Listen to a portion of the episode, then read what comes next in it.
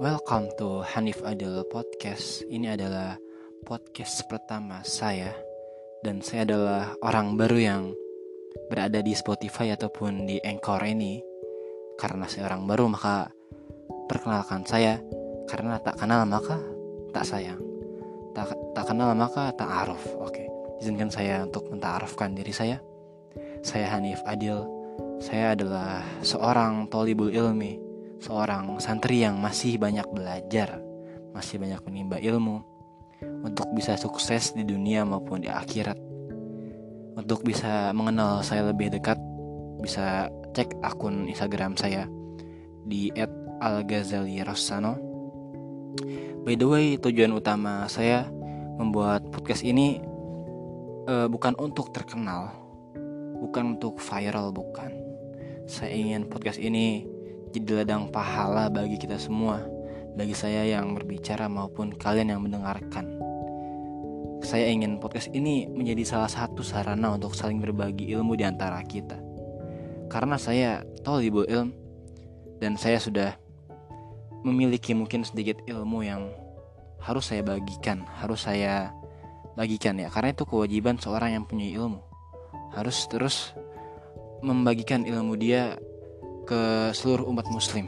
Maka dari itu di podcast perdana saya kali ini izinkan saya untuk membagikan sedikit ilmu saya dengan memohon taufik dan ridho dari Allah Subhanahu wa taala.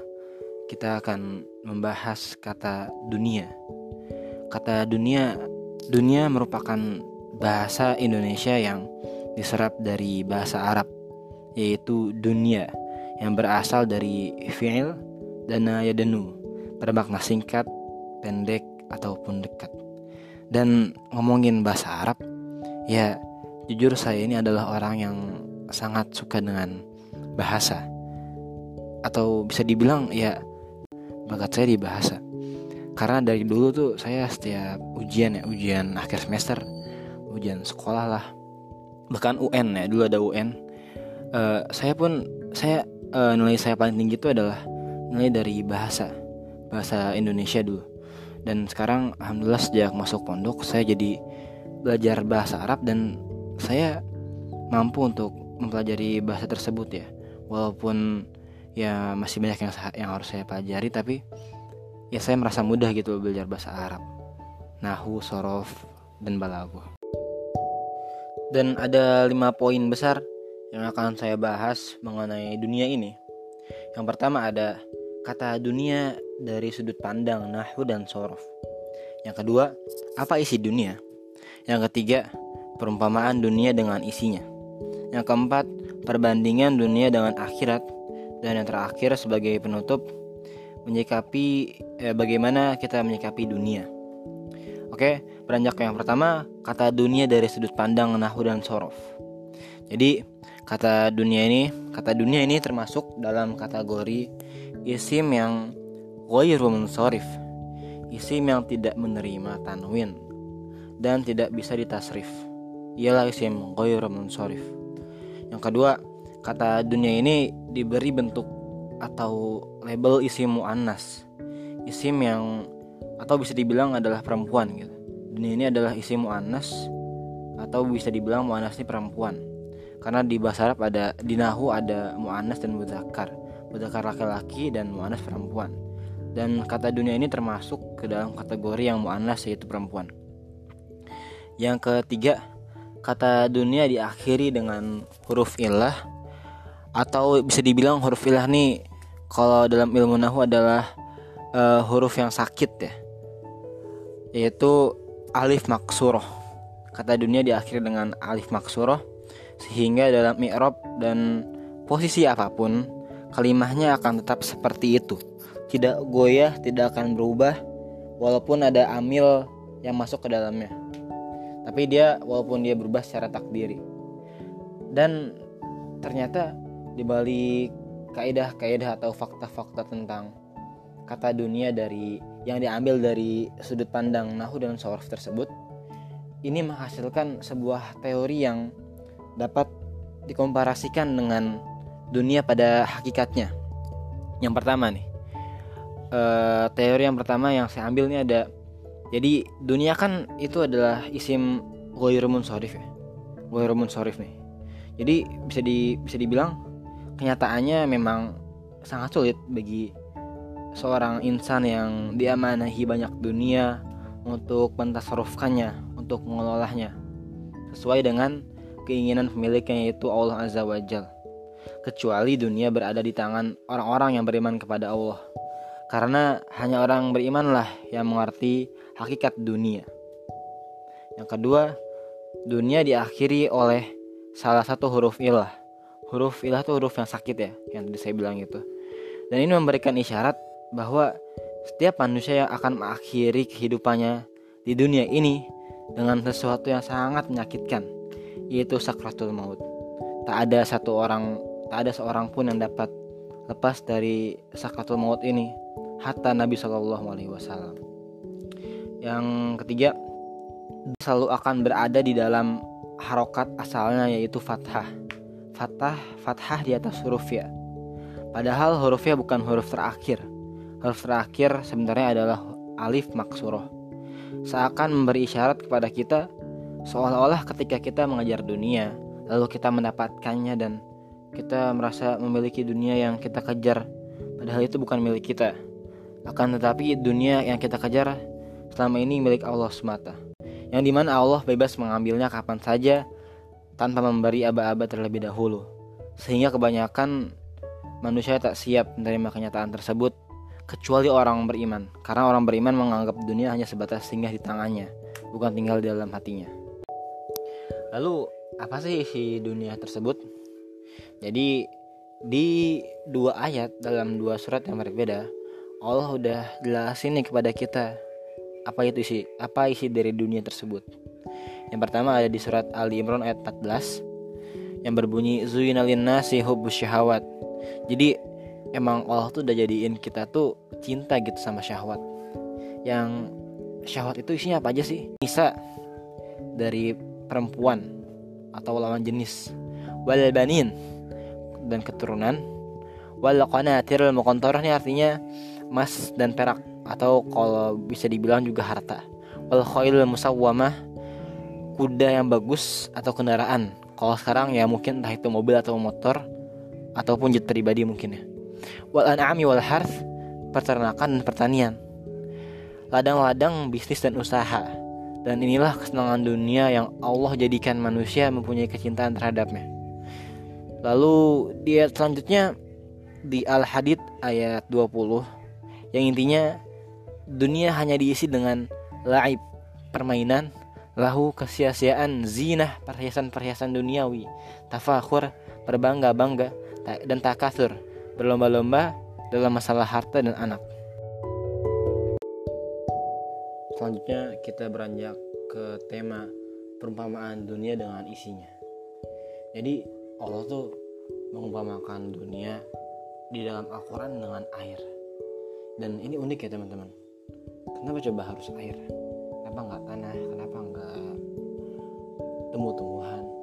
Nanti di nanti akan saya sebutkan penjelas, penjelasan dari Imam Al-Qurtubi kenapa Allah menggunakan air sebagai perumpamaan.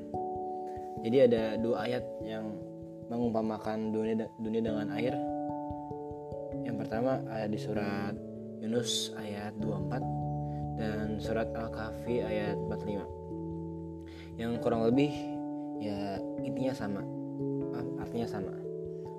Di Yunus ayat 24 nih perumpamaan dunia seperti air yang turun dari langit lalu air itu menjadikan uh, menjadikan tanaman yang yang ada di bumi tumbuh dan itu akhirnya jadi konsumsi untuk semua manusia.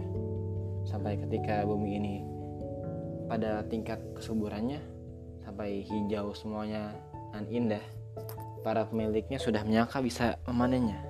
Tiba-tiba di malam hari atau di malam hari atau siangnya datanglah banjir dan badai. Hingga tanaman tadi semuanya ludes dan hancur seperti nggak ada sebelumnya. Uh, gitu ya. Kalau di ayatnya begitu di konteks ayatnya lantas kenapa Allah mengumpamakan dunia dengan air? Jadi di dalam tafsirnya Imam Al-Qurtubi itu ngejelasin nih kenapa? Jadi yang pertama air tuh nggak bisa menetap di satu tempat doang. Jadi dia tuh nggak bisa nih misalkan air nih dia netep doang di satu wadah gitu. Itu pasti bakal pindah misalkan dia dari air terjun turun set ke kolam. Dan pasti dia kolam itu bakal turun lagi ke mana? Jadi itu nggak bakal tetap di satu tempat doang. Ya kayak gitu dunia. Dia nggak nggak selalu akan di tangan orang itu doang. Jadi dia nggak bakal uh, berada di tangan orang itu itu doang. Jadi dia bakal bakal berputar gitu. Jadi benar kata orang yang bilang dunia itu bagaikan roda. Ya benar. Ya kadang kita berada di atas dengan segala usaha kita terkadang kita juga berada di bawah yang ya gitu yang pertama. Yang kedua air itu tuh nggak akan berada dalam satu kondisi. Iya. Yang ketiga air itu akan lenyap dan hilang. Gak fana begitu pula dengan dunia. Yang keempat tidak ada seorang pun yang masuk ke dalam air dan dia nggak basah nggak ada. Nggak mungkin. Pasti basah. Maksudnya apa? Ya seperti inilah dunia ketika seorang masuk ke dalam dunia dia nggak akan bisa lepas dari fitnah dunia. Pasti dia kena fitnah dunia itu. Dan terbaik lagi gimana kita menyikapinya. Yang kelima air itu kalau diambil secukup air itu nih kalau diambil secukupnya ia akan bermanfaat akan berguna bagi banyak hal. Tapi kalau airnya berlebihan, ya akan berdampak buruk dan membinasakan kayak tsunami, banjir, begitu. Setelah kita mengetahui apa isi dari dunia, apa perumpamaan yang Allah umpamakan terhadap dunia di dalam Al-Quran, maka kita beranjak ke tema selanjutnya yaitu perbandingan dunia dengan akhirat. Orang mereka yang bilang, sebenarnya apakah balance dunia dengan akhirat? Orang bilang, jangan lupain dunia dong. Bagaimana pandangan Al-Quran dan hadis dan juga para ulama? Mari kita lihat. Di surat Al-A'la ayat 16 dan 17 uh, eh, yang artinya begini. Kalian lebih mementingkan dunia, padahal akhirat lebih baik dan lebih kekal. Dan ini sangat logis dengan perumpamaan dunia yang seperti air. Orang Jawa tuh bilang duit tuh kayak bayu ya bener eh tuh nggak bakal tetap di satu orang doang ada juga nih yang paling ada juga nih hadis populer yang pasti kita eh, uh, udah tahu lah ya karena hadis ini populer banget hadis dari sahabat Nabi itu sahabat Jabir ketika Nabi sedang masuk ke pasar ke dalam pasar dan ramai oleh orang-orang lalu Nabi menemukan bangkai kambing yang cacat telinganya. Lalu Nabi mengambil dan menawarkannya kepada para pengunjung pasar untuk membelinya. Dan gak ada yang mau. Lalu Nabi menawarkannya dengan gratis dan tak ada yang mau pula. Ya karena cacat. Dan Nabi bersabda bahwa dunia lebih hina dari bangkai ini. Ada juga hadis yang menyebutkan dunia dengan akhirat bagaikan kita menyelupkan jari kita ke laut lalu kita angkat dan yang ada di jari kita itu adalah dunia jadi ya bisa dibilang dunia dan akhirat tuh nggak bisa nggak bisa dibandingin emang nggak sebanding ya. lalu apa sikap yang tepat dalam menyikapi dunia? Abu Idris al Khawlani mengatakan sikap yang tepat untuk menyikapi dunia adalah zuhud. Apa itu zuhud? Zuhud itu bukan mengharamkan yang halal bukan juga membuang-buang harta. Karena banyak dari kita yang salah perspektif dalam dalam pandangan terhadap zuhud ini. Ada yang bilang zuhud itu kalau kita kalau baju kita sobek-sobek kalau baju kita kusut kalau kita miskin lah pokoknya. Dan itu salah. Jadi zuhud itu intinya kita tuh nggak jadi intinya tuh kita nggak merasa enjoy apa yang terhadap apa yang kita miliki.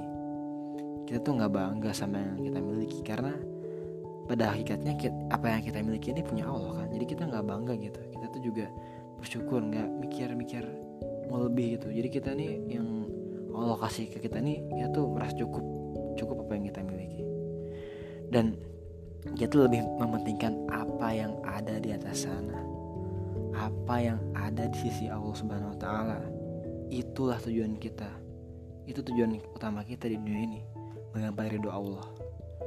Jika kita dikaruniai ke kekayaan maka kejarlah ridho Allah dengan karunia Allah tersebut jika kita ditimpa musibah berharap pahala yang ada di balik musibah tersebut.